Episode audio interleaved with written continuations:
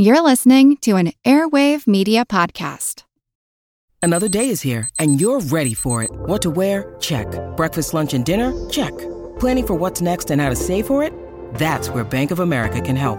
For your financial to dos, Bank of America has experts ready to help get you closer to your goals.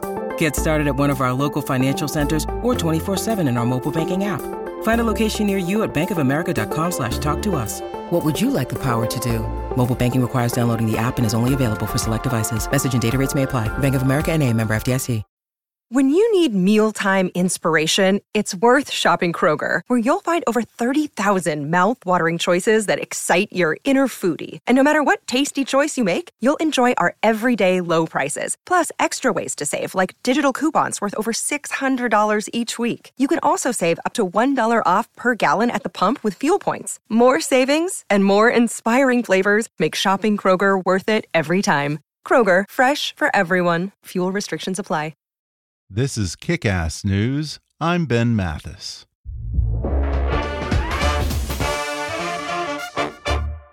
When you need energy on the go and don't have time to wait in line, grab Espresso Monster. Espresso Monster is a premium blend of espresso and cream made with freshly brewed espresso coffee, hormone free milk, and a unique energy blend complete with taurine and B vitamins. Each can has three shots of espresso and comes in vanilla espresso and espresso and cream flavors. I had one this morning before I came into the studio, and let me tell you, it gave me just the boost I needed to get my day going. Plus, it tastes so delicious, I'd drink it anyway. So close your eyes, take a sip, and enjoy Espresso Monster today. And now, enjoy the podcast.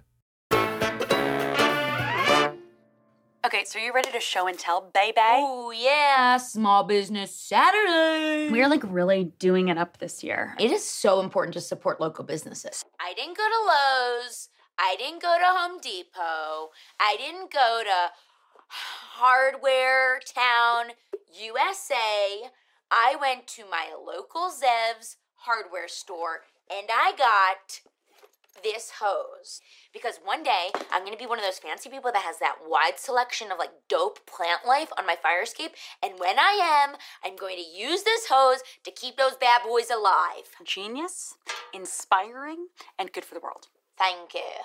We are really participating in our community. Oh, totally. And you know what? All this small business shopping, we earned Cyber Monday. Oh, I cannot wait to just go like this. Boop. God, I miss Amazon. Just scrolling, you know, it brings my heart rate down. How much do you think this hose is if I bought it on Amazon? It's not like a local made hose. That's right. Right? And it's like I'm buying something local and yet it was like made somewhere else. You know what I mean? Hi, I'm Ben Mathis. Welcome to Kick Ass News. That was a clip from the hit Comedy Central show Broad City. It was created by Ilana Wexler and Abbi Jacobson, who also write, produce, and star in the series. The two met as struggling improv performers at New York City's Upright Citizens Brigade and originally started Broad City as a web series for YouTube. Then, fellow UCB alum Amy Poehler helped them develop and sell the show to Comedy Central, where it's now entering its fifth season and remains a favorite of the critics who hail Broad City as, quote, sneak attack feminism. Needless to say, it's been a wild journey for the two creators, and today Abbi Jacobson comes on the podcast to talk about that journey and another more literal journey, a three week cross country road trip that inspired her to write a new book called I Might Regret This Essays, Drawings, Vulnerabilities, and Other Stuff. Today, Abbi opens up about the frustrations of development hell, being a boss as a woman, and playing herself on TV. She shares how she and Ilana got Amy Poehler to champion Broad City for television, the exec who turned down Broad City for being, quote, too girly, and what she says you can learn about a TV network from the snack offerings in the lobby. She reveals how she and Ilana convinced Hillary Clinton to guest star on Broad City in the middle of the 2016 election and then had to deal with angry tweets from Bernie supporters. She discusses her ongoing struggle with work life balance, why it took a book deal just to make her take three weeks off to travel the country and get over a broken heart, and how that trip taught her that the things we're most afraid of are the things that will most change us.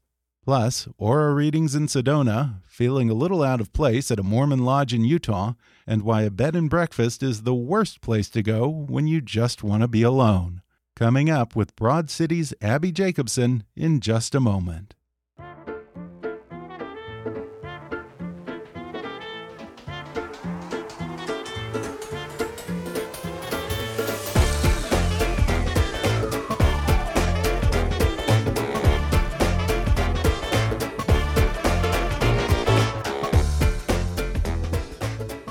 Abbi Jacobson is co creator, executive producer, and co star of Comedy Central's critically acclaimed hit show Broad City. She is the New York Times best-selling author of the illustrated book Carry This Book and has also created two coloring books, Color This Book New York City and Color This Book San Francisco. On top of that, Abbi is the host of A Piece of Work, the Webby Award winning podcast from the Museum of Modern Art and WNYC Studios. And now she writes about road tripping and soul searching in a new book titled I Might Regret This Essays, Drawings, Vulnerabilities, and Other Stuff. Abbi, welcome to the podcast. Hi, thanks for having me. I enjoyed the book very much. And I have to say, I only came to Broad City very late in the game. I'm the person who always discovers the hottest show when it's over or on the final season. Breaking Bad, I didn't even begin to watch it until after the finale. Same with Game of Thrones. I just got into Game of Thrones like oh, literally when they announced the final season. So yeah. it was the same thing with Broad City. I'm a little late to the game, but I love it.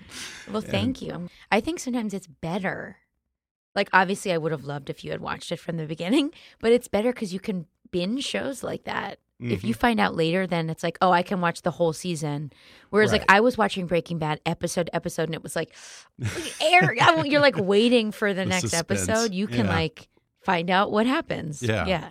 And I love that the more I read about the origins of the show, I guess, it, uh, and you talk about this in the book, that you weren't getting anywhere with improv at UCB. They weren't putting you on the, what are they called? The Herald teams? Yep, the house And teams. so you had to kind of do your own thing. And only then did UCB take notice of you and Ilana. Yeah, the, the, the, I think it's the longest chapter in the book is about Broad City and um, how Ilana and I began and sort of why it's ending. And, yeah, it was this thing, and and you know, web series are um, in abundance now. But mm-hmm. when we started it in 2009, they were not. But it was yeah, it was completely out of us realizing we had to create our own material if we were ever going to be in this business yeah. at all, because uh, we couldn't find um, work elsewhere. Like no one would put us in anything. No one would cast us. Uh, yeah, and it's just great that you can do that now with YouTube yeah. or podcasts or yep. whatever. You don't have to wait for the gatekeepers to suddenly anoint you. Exactly. And eventually you got picked up for television. You talk about that process in the book, going through development hell. I guess you didn't start out at Comedy Central at first, right? We started out at FX mm -hmm. and developed there for a year and then ended up at Comedy Central. You developed the show for what, a year there with Amy Poehler at uh -huh. FX and then some new exec comes in and what did he tell you? Well, it wasn't a new exec actually. Oh, okay. It was um yeah, so Amy's an executive producer of the show and we asked her to be that um after we were finishing up the web series and she was in the last one. And we, you know, Ilana and I were like, let's we're gonna go and try and pitch this, which is crazy. You know, like I don't know anyone that is in television or like has made a show, but we were like, let's go to LA and do this. And then Amy was in it in the episode, and we're like, let's ask her if she would ever want to be an executive producer, which was nuts. And then she said yes, and it was like, just that's incredible. It was really incredible. And then so we went out to LA now with Amy and you know pitched it all over the place and we ended up landing at FX with just a script commitment and we developed that script for a year and we thought it was going really well and then after the end of that year, we found out they passed, and they they felt it was too girly of a script. and at the time, I guess that was a, an okay thing to say. Yeah, now maybe it's not 2010 or something. It's 2011. 2011. Okay. And I'm, I'm I'm not like, you know what? It's it is feminine. Well, the title is Broad a, City, they and that's not a negative. But I, you know, I guess yeah. FX is predominantly more masculine that's just like what it's like. Yeah. And then, I mean, I'm so happy that that happened because Comedy Central is definitely, without a doubt, yeah. the right home for it. And they just like got it in a different way. And um, yeah, we've been there ever since. You sum up the development process perfectly, better than anyone I've ever known. Wow. Okay. Uh, you say that it's development for development's sake, all for an audience of one. that is It is. exactly what it is. Like, and I- and you know, since um since Broad City's been the year, I've been working on a, on a number of other projects as a Mhm. producer, and I found that this is how it is, where it's like this pyramid of development people that are really excited about projects, but then it gets to the top, and there are these execs that aren't as involved in the in the process, Yeah. and then they're just not into it Yeah. and it's like wh- what's happening and i it's just this cycle of like how like I, I know people that are development execs that have never gotten anything made like Yeah. not at yeah. studios but they're like at production companies they're just Yeah. producing and developing shows and then they never get made but Yeah, it's like how the industry runs Yeah, it, it's like Office Space or something. Where it's like the employee who just wants to look like he's working, but he's really not working. Yeah, but like they are working, like Yeah. they're trying, they're and there's producing. money going into it, but then it's like not ever on the air. yeah, It's just very interesting. yeah, it's just so bizarre. And at one point in your book, you rate the TV network lobbies and snack offerings. It's so interesting looking back on that because Yeah. you know I'm writing about, I am writing about snacks, but I'm I was trying to write. There's a couple chapters in my book that are weirdly about food, but Yeah. they're not.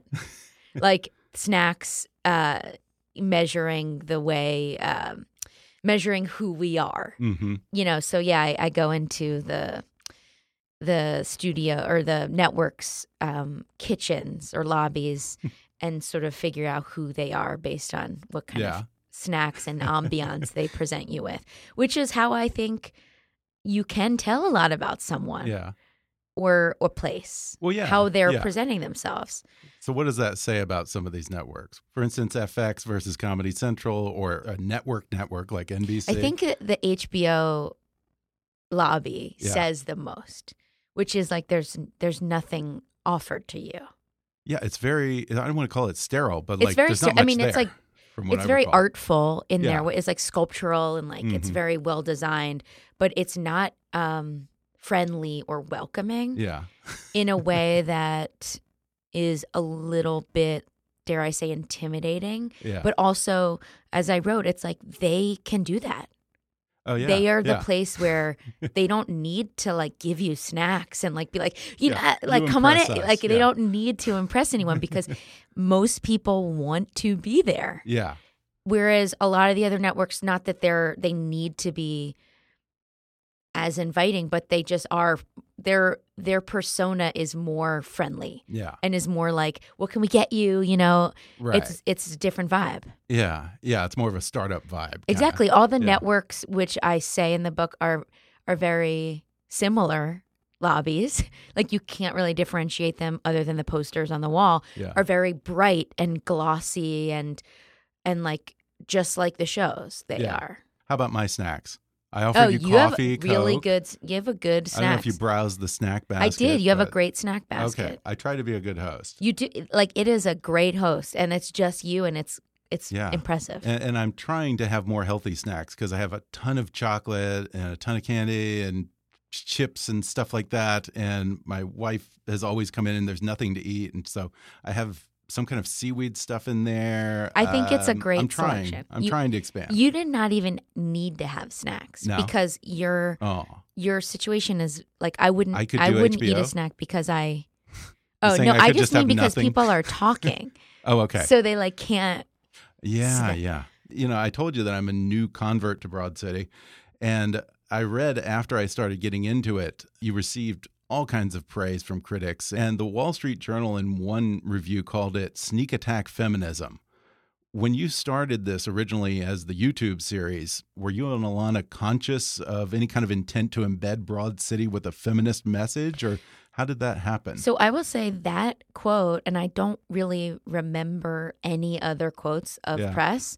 That is a, a quote about the web series by Okay. this woman, Oh, Megan. Angelo, who is Okay. awesome and was this New York, I think she might live out here now, a New York writer. Uh, and at the time, she was like writing all over, but she did this piece for the Wall Street Journal, I, I believe, about the web series because we were so excited that someone like a like a newspaper had written about the web series. Uh, so that was so early on that we sort of realized that it was not a intentional. It wasn't like Ilana and I sat down and we were like, let's make a feminist web series. It was just us being us and Yeah. writing about you know what we were experiencing in our uh, day-to-day lives and like hustle in new york and our dynamic really and that at the time and i think still now is just inherently seen as feminist because it's us being honest about what a woman's experience or at least like a young white woman white jewish woman's experience in new york city is like and so it So hasn't just ever a reflection of yeah, it guys- hasn't ever been like a so thesis personal for you guys. for like it's not something we like write on the wall Yeah. and stick to. No, it's just Yeah. I think what we try to embody, and I think we've only tried to embody that more. hmm In the book, you have this self review of your own professional insecurities working on the show. And you say that almost all of them relate to you being a woman put in a position of power. What kind of things do you struggle with as a boss of your own show? Yeah, I mean, this was something I was think I thought a lot about on this road trip Mhm. because I was trying to I was like very overworked and I realized I was a workaholic and this partially this road trip was me trying to take a vacation, but Yeah. but really it was the only way I could take a vacation was to like sell a book and and go on a road trip about it. And so I was like, I'm crazy, and I'm I was like thinking a lot about my work process, and I was doing my I was uh we were editing the podcast while I was on the road trip. So I was listening to cuts and I was like working the Yeah. whole time, but while I was driving and I started realizing, you know, I was thinking about I had directed um Broad City season 4 for the first time, two episodes. I started thinking about even though I had found this success, uh like I was still insecure about all these things. And the more, you know, when I got to LA, I started writing more about it. And I realized, well, even in like these awesome opportunities I have, I still have all this doubt and insecurity. Yeah. And I think it does stem from just society's view of women, like uh, Mhm. like the way I, I don't know, the way I was, not the way I was brought up, but just like when I was brought up, just how women were seen and Mhm. like what positions they have, and it's changing now. But it's just like it was just inherently in me of like like apologizing and waiting to be ready to do something and the directing thing really opened that up to me because I was my biggest insecurity was like asking other people on set for their uh, opinion about something. And I was like, oh, a real director wouldn't do that. And it's like, no, yet, like, that's insane. Yeah. Everyone on set is an expert at what they are there for. That's what they're yeah. there for. And to act like I know everything would be completely Yeah. idiotic. Although you could be the president then. You could, yeah, you could be. But I, I have seen actually because I'm I'm like Ilana and I run the show. I have seen directors not ask. Mhm. They they they ex, they assume like, and it's like, I feel. I think asking is is smarter, and I have to keep Yeah. constantly remind myself that that's not a weakness. It, to ask for Mhm. help and to, um, and to know you don't and shouldn't know everything is actually smarter. But it's something I have to remind myself of often, and I I, I feel like that is because, or at least for me, I think that is an ingrained insecurity in me because I am a young woman and I'm trying to Mm-hmm. like overcome that. Yeah, and I mean, we already teach people never to ask questions and to always have the answers and never stick your neck out. So yeah, it must be even harder as a woman because you know what, what is the stereotype? A woman has a prerogative to change her mind and you know, that kind of Yeah, and it's just like Yeah. I mean I read also about how this like it's okay. There's like mediocre. There's so much mediocrity in the workplace. Mhm. But if you like there's you can't be a, a successful woman and be mediocre. yeah, I don't think. I think Yeah. you need to and that's the fear of showing Yeah. any weakness because if you are mediocre, you will not rise. Yeah. Yeah, I had Tina Brown on, I don't know, a few weeks back, and she said the same thing. She said to succeed in this world, a woman has to be gold standard in a silver job. Yeah. You said that that you had to have a book deal to do this whole road trip. In some ways, it's the least spontaneous road trip ever.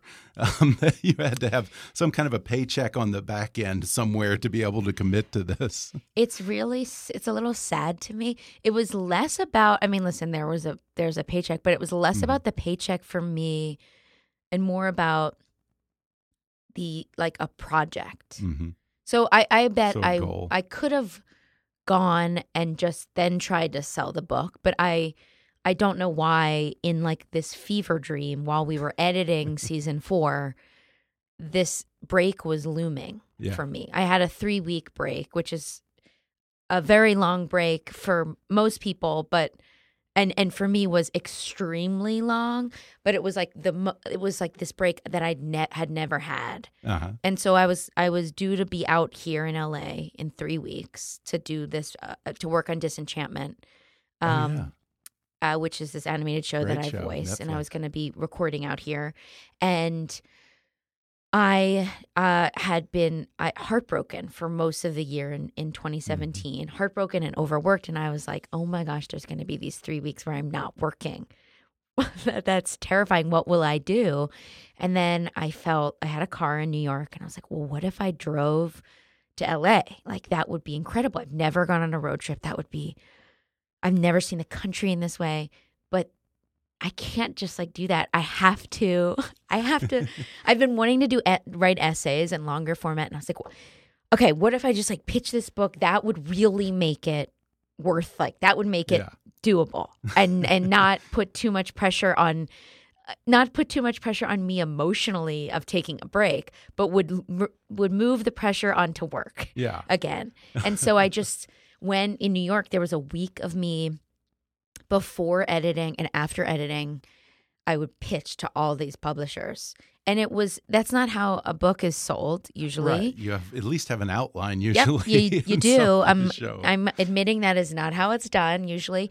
I basically had all these meetings and just I had a like a one sheet where I wrote this up, but I basically set told them how I was feeling, told them about this heartbreak, about my work ethic and why I was a workaholic and and what I wanted to write about and how Mhm. I had no idea what would happen on this road trip. Did you feel that the publisher really was buying into this, or do you feel like perhaps there might have been some kind-hearted soul at the top of Grand Central Publishing who was just like, "This girl desperately needs to take a break, or she's going to go nuts. Let's just give her a book deal for her own good." I mean, that would be so nice if people did that, but I don't Yeah. think people do that. yeah, no, I think they I think they were like which is incredible. I think they Suzanne O'Neill, who's my editor, felt like I would figure it out hmm and has was kind of the person that was like along the the ride with me the whole time and had faith that I would figure this out because there were I Yeah. wasn't sure of the framework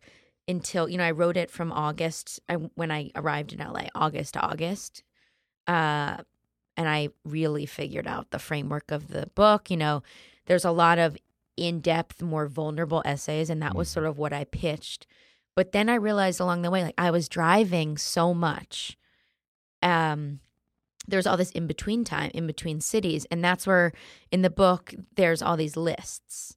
Yeah, uh Yeah. and that was while i was driving those are sort of the things that go through your head where i was just thinking about all this stuff and so i call them drive time essays. So it's like from memphis to austin it's like there's a Yeah. list of, of of a topic of what i thought and so i when i found that framework i really felt like it allows the reader to feel like they're on the Mhm. the trip with me We're going to take a quick break, and then I'll be back with more with Abbi Jacobson when we come back in just a minute.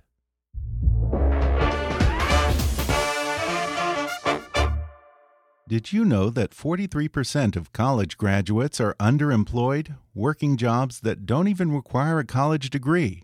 Imagine if one of the most significant investments of your life, your college degree, only worked half the time. A refund is the least you'd expect. With courses in software engineering, data science, and UX UI design, Flatiron School stands behind its students with a tuition money back guarantee. Flatiron offers graduates a career services program with career coaches and ongoing learning. Students who follow every step of the plan and don't get a qualifying tech job offer within six months of graduating are eligible for a full tuition refund. See the complete details at flatironschool.com/terms. With graduates at hundreds of leading tech companies, the Flatiron School program is working. Full and part-time programs are available online and at Flatiron School campuses around the world. Join the school that's reinventing education, starting with student outcomes. Learn more at flatironschool.com/kickass. Again, that's flatironschool.com/kickass. In today's age, it can be hard to find the time to sit down and learn, especially when the likes of social media can be so addictive and time-consuming.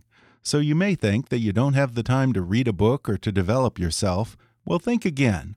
Blinkist is the only app that condenses thousands of nonfiction books into the best key takeaways and need to know information, so you can read or listen to them in just 15 minutes. 8 million people are using Blinkist right now, and it has a massive and growing library from self help, business, and health to history books.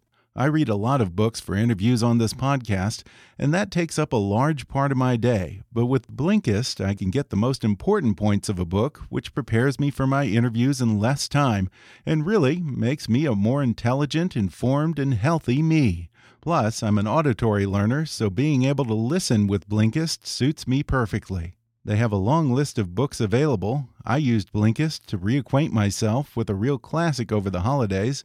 Dale Carnegie's How to Win Friends and Influence People. And then I listened to the number one bestseller Fire and Fury Inside the Trump White House by Michael Wolff. And right now, for a limited time, Blinkist has a special offer just for my audience. Go to Blinkist.com slash kick to start your free seven-day trial. That's Blinkist, spelled B-L-I-N-K-I-S-T, Blinkist.com slash kick to start your free seven-day trial. One more time, that's Blinkist.com slash kick. And now, back to the podcast. Now, you mentioned that you were getting over a breakup. Yeah. Uh, I want to say that you say that in the book that it was the longest relationship that you had had at that point. So there was also this emotional and healing component to the whole trip. Talk a little about that. Yeah, I, you know, that was probably the most vulnerable part to write about um, because I had always felt I'm I'm 34 right now and I was 30 32, 31. Mm-hmm. And I had always felt like this outsider because I'd never been in love before. And it was like this very shameful feeling of like, I'm not experiencing this thing that everyone seems to be experiencing. Everything is about this thing that I maybe I'm incapable of this. but it was just this like, it felt like this secret of like, oh, I, I can't feel this deeply about someone. Mm-hmm. Or someone can't feel this deeply about me. And and then when I actually met someone and and was in this relationship, it was incredible. And I I, I was like, wow, I get it. I got it now, everybody. Get what all the fuss is and it was also with a woman, and I'd only dated men up until this point, so it was a lot for me.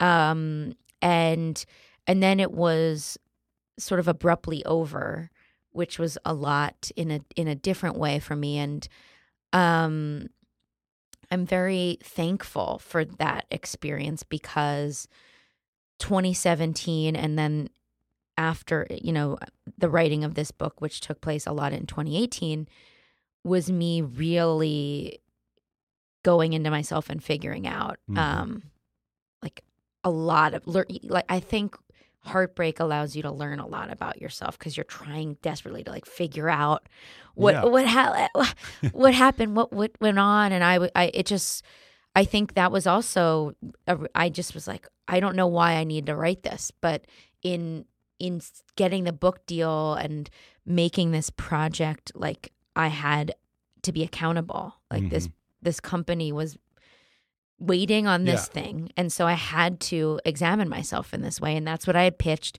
so it was sort of like i don't know why i did that but i did it to force myself to really go in and and and write about myself in this way. And also, it, I felt like I needed to do that to differentiate myself from the character on the show because Yeah. I'm very much defined by her. And she is a lot of me, but is a, a younger version of me, this amplified version of me. And in writing in this more vulnerable way, I, I was I need I just needed personally. It was a very selfish endeavor to explore myself differently. Yeah, what is that like? Because you and Ilana kind of play heightened versions of yourself at a different age on the show. Do you have fans who just immediately assume that you are your character, or maybe even approach you in a more familiar way than they would someone else because they think that you're friends, they have some kind of a relationship with you? Yeah, I mean, I don't.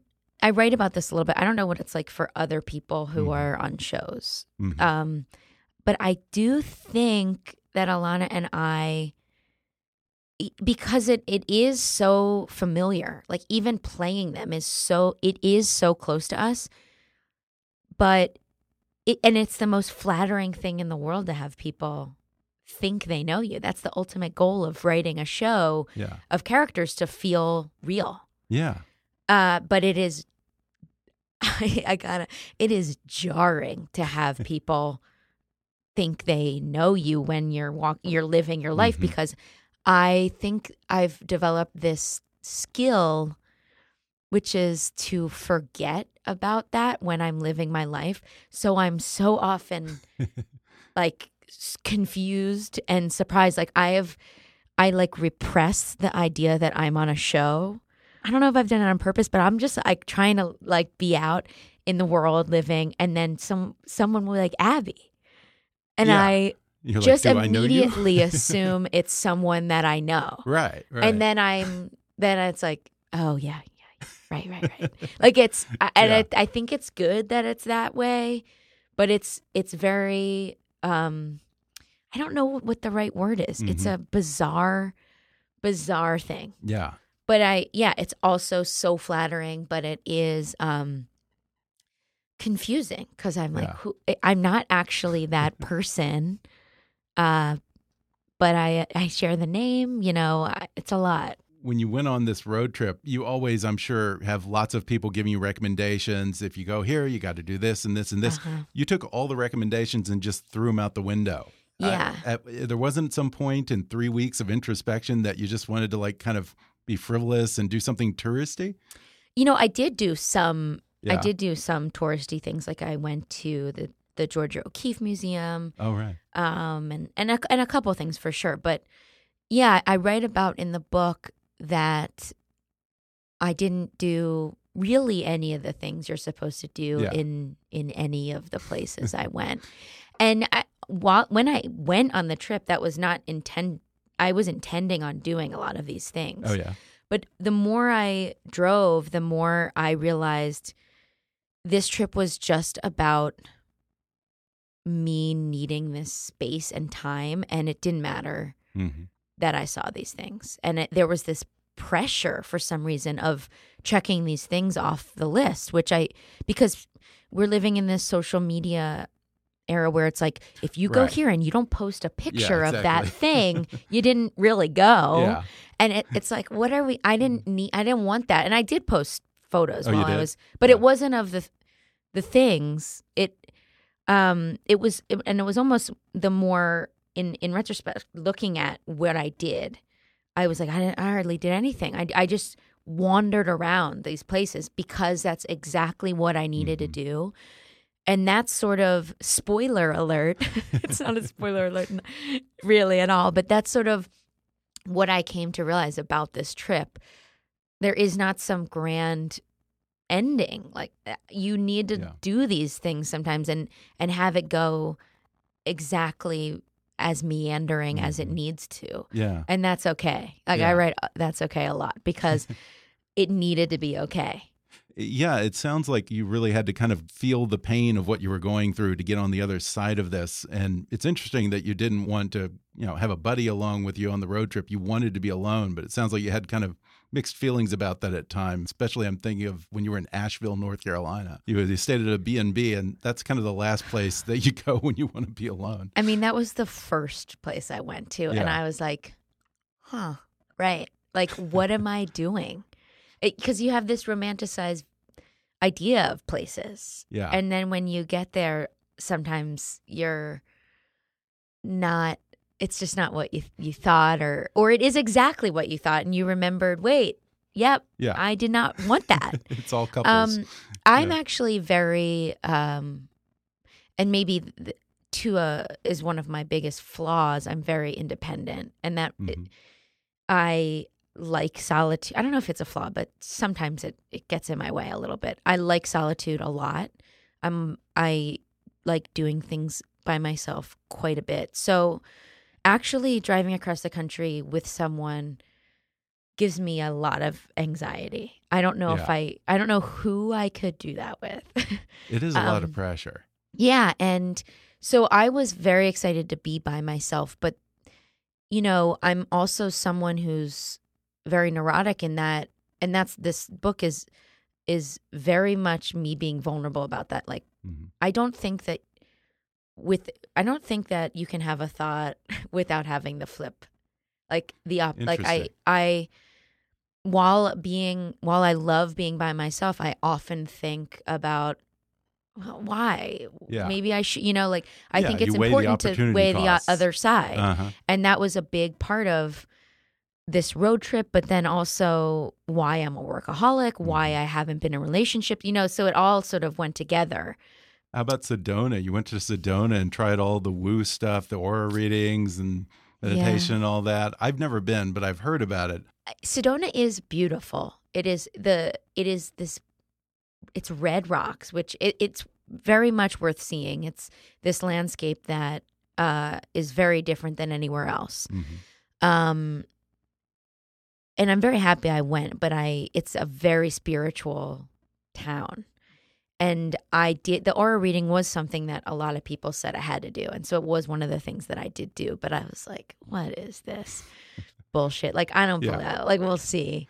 And the whole experience, um, in this crystal shop where I went to get this aura reading was just ridiculous. Like I was like I was like trying to be open minded about it and then this woman led me into this what was a closet um with no door with like an old Dell computer that was going to take my aura reading which I was like what are we doing like in my head Yeah. I was like no what like I at least thought it was going to be a, a film camera or like a Yeah, real like yeah, exactly. old timey something and um it was not it was on a computer with like a velcroed camera on the top and i was like this is just not real but i am so non-confrontational that i couldn't leave and i had already paid like and so i stayed and i ended up doing this whole aura reading and the whole time i was just in my head like this is such this is such a hoax like and the woman i sat down to do this aura reading with this woman and i write about this in more depth in the book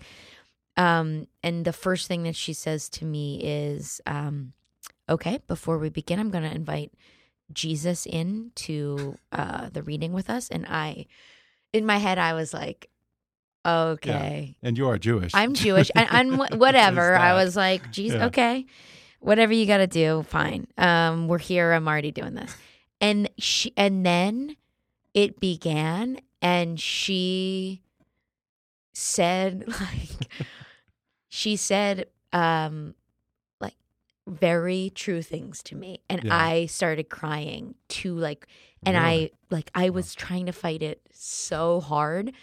And it was like a very bizarre experience. yeah. So yeah, I'm sure. So she she got it right, huh? she got it right. And I was very hesitant to like, I didn't tell her anything about Yeah. myself. I feel Oh, like I like might have when I even. in that situation. I tried to give them nothing. don't give them anything because there are things you can say to all of us. Like, like as if she had said, "There's something missing." You feel. Yeah. I, I feel like you feel like there's Yeah. something missing, or you're looking for something. Yeah. It's like, You're yeah, go we all are. trip. Yeah, we all are. Um, and it was specific to me. Interesting. So are you a convert now? I'm not a I'm not a convert, but I do I do like experimenting with that Mhm. stuff. I think it's kind of fun. Yeah. Every once in a while, I'll, I'll read a horoscope just to be like, let's see. you know, I'm not uh I'm not I don't do these things often, but I do. I have an open mind about them. Yeah.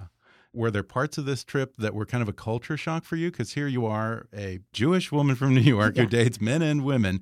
I and would you're say going like through the queer is usually like a good okay, word. Yeah, there yeah, we yeah. go. Queer. Did you have much interaction with that segment of the country that maybe didn't vote for Hillary Clinton? Or were you ever at all uncomfortable in places where maybe they weren't as diverse as you're used to? like of course I definitely was in those places, Mhm. but I didn't specifically go to cities where I felt that overwhelming Okay. opposition. Yeah.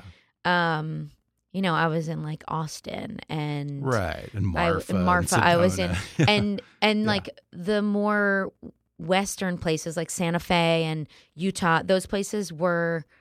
I just I wasn't.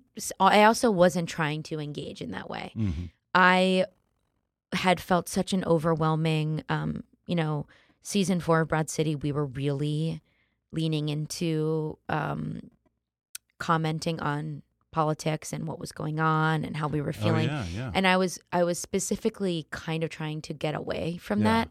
I mean, I was still listening to like the Daily is my favorite podcast. No offense, Oh, yeah. No, I but I, The I, listened to that every day, and I was still reading the Times and like um and and other news outlets along the way, but lessening it Yeah. to try and get away. So I also wasn't engaging in that as much. Yeah. So I didn't I didn't I didn't see as much as I probably could have or should have. I did notice in Texas for sure like open carry signs, Oh, yeah. which is always so bizarre yeah. um and scary. Didn't you go to a Mormon lodge where all the women who worked there were dressed up in those little house I on did, the prairie outfits? I did, and I um I felt that that actually was like tricky. I I didn't Yeah. want to. Fe- I didn't mean to be um disrespectful in my writing about that. Yeah.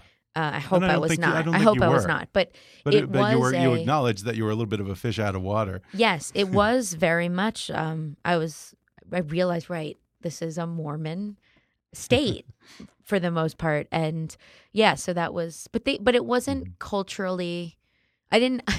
I didn't stay there long enough to experience Yeah. the culture. I was. I was.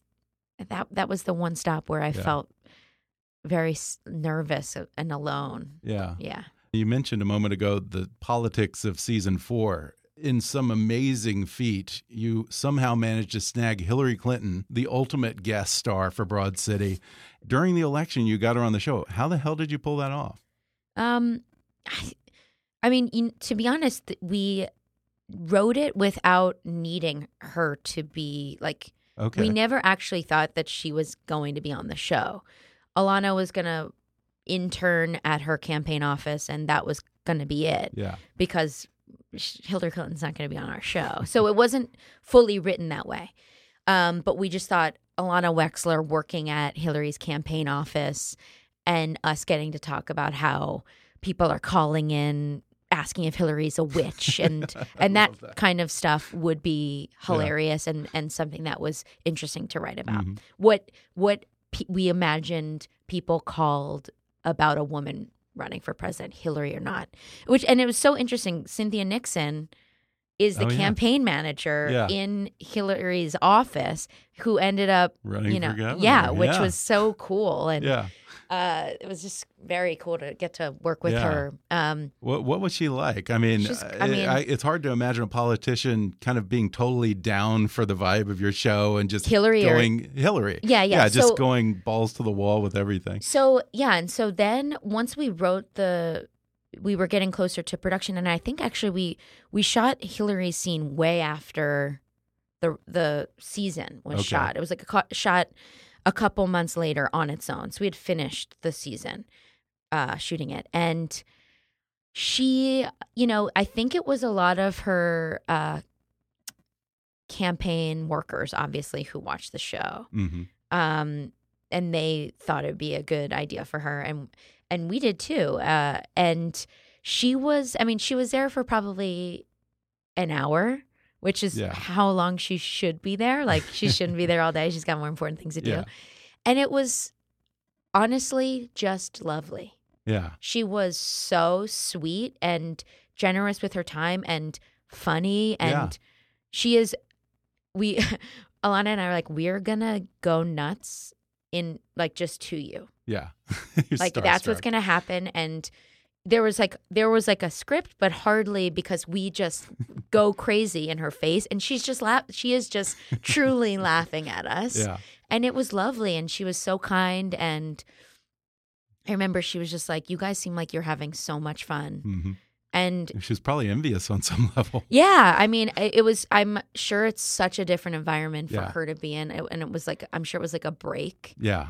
and it was yeah, it was really a special experience. What a drag it must be to be a politician. Even the ones who do SNL, you know that they're riding this thin line where I want to be funny, I want to please the audience and all that, but there's only so much that I can do. And politicians and comedy just don't mix. no And this was one of the rare cases that it did. and it was like she's, you know, we, you know, she didn't have to be like this hilarious thing yeah. On the show. This Yeah. bit, it was just her being there and us Yeah. reacting to her Yeah. was enough. And it worked. and that her that she was down to do that and it also was i i mean the show we always are trying to make the show funny first but it also has a huge um level of sincerity and Mhm. heart and Yeah.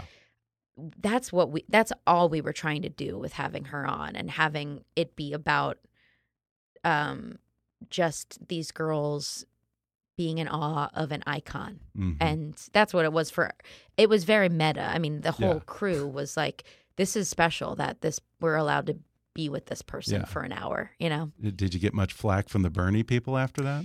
without a doubt Yeah. we are like a reason that trump won and it's it sucks because it's not like um i mean no way anti bernie i'm very Right. pro bernie sure. um just at the time i felt like hillary was just more like this the most qualified candidate to ever run and i was just in that camp at the Yeah. time and but i was pro everything bernie you know like it Yeah. it's very um it's just you know, people are being categorized all, all over Exactly, and- same thing. we still do Yeah. Well, you know, toward the end of the book, uh, you play through these scenarios of what might happen if you ran into your ex in LA. And like we Mm. said, the whole process was you trying to get over her and move on with your life over these three weeks. Uh, have you talked to her since then? Have you reached closure? Have you forgiven her? Where are you with all this? um I mean, I assume she's probably read the book by now. Don't know. Yeah. I don't know if she has. I don't know. I don't want to like get into that too much because it's Yeah. not really about her like this, but it's Right, really it's about, about me. you getting through it. And that chapter is actually one of my favorites because it's so amplified. And you Mhm. mentioned that you listen to audiobook and you Yeah. hear it more in the audiobook, me going nuts. Yeah. And I think that's that's one of the most relatable things. I think Mhm. everyone feels like, well, what, when am I going to see them? What what do I look like? What will they look like? What it could be Yeah. these scenarios. Yeah. maddening. And um, I mean, I, all I could say about me personally is like it's fine now. I guess yeah. I don't know exactly. Yeah, I think I think it's fine. I think that's what you say at the end. You say it's okay. It's okay. It's yeah, okay. and I'm like I don't Mhm. feel I guess I'm not as um I'm not as high or low about it as I Mhm. was when I wrote it. I think that stuff if it had if it had meaning in the relationship then it will always have meaning when you're not. Yeah. I think so. There's a great quote at the end. You say, The things that we're most afraid of are the things that will most change you. What was that for you? And how do you feel about it now looking back? Yeah, I mean, I think for me, allowing myself to like give myself to someone else, like to share myself, Mhm. actually be in love with someone else and in a relationship was something that I was terrified of. Like, I was just very, uh, I would end relationships and I was very, I I just couldn't do it. And that was something I was just terrified of. I think just and then it it had completely changed like my whole makeup and and then writing about it was so terrifying and i think doing that has completely changed me too and i think moving forward for the most part, I really want to, you know, now that Broad City's ending, I really want to try and focus on following that. Yeah. I think doing things that scare you mean It's the only that's you grow. should go those are the things that's like the the light. Yeah. It's like, well, does this scare me? And if it doesn't really, then I don't know if it's Yeah. worth doing. Absolutely. Yeah. Well, once again, the book is called I Might Regret This Essays, Drawings, Vulnerabilities, and Other Stuff. And the final season of Broad City begins January 24th on Comedy Central. Abbi Jacobson, thanks so much for talking with Thanks me. Thanks so much for having me.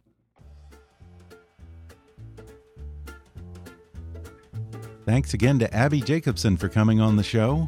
Order her new book, I Might Regret This Essays, Drawings, Vulnerabilities, and Other Stuff on Amazon or wherever books are sold. Keep up with Abbi on Twitter at, at Abbi Jacobson and don't miss the final season of Broad City beginning January 24th on Comedy Central. In today's age, it can be hard to sit down and learn. You may think you don't have the time to read a book. Well, think again. Blinkist is the only app that condenses thousands of nonfiction books into the best key takeaways, so you can read or listen to them in just 15 minutes. Right now, for a limited time, Blinkist has a special offer just for my audience. Go to Blinkist.com slash kick to start your free seven-day trial. That's Blinkist, spelled B-L-I-N-K-I-S-T. Blinkist.com slash kick to start your free seven-day trial. Once more, that's Blinkist.com slash kick. Flatiron School is reinventing education, starting with student outcomes. With courses in software engineering, data science, and UX UI design, Flatiron School stands behind its students with a tuition money-back guarantee. Learn more at flatironschool.com slash kickass. That's flatironschool.com/kickass. If you haven't already, be sure to subscribe to Kickass News on iTunes and leave us a review. You can follow us on Facebook or on Twitter at, at KickassNewsPod. And as always, I welcome your comments, questions, and ideas at comments at kickassnews.com. I'm Ben Mathis, and thanks for listening to Kickass News.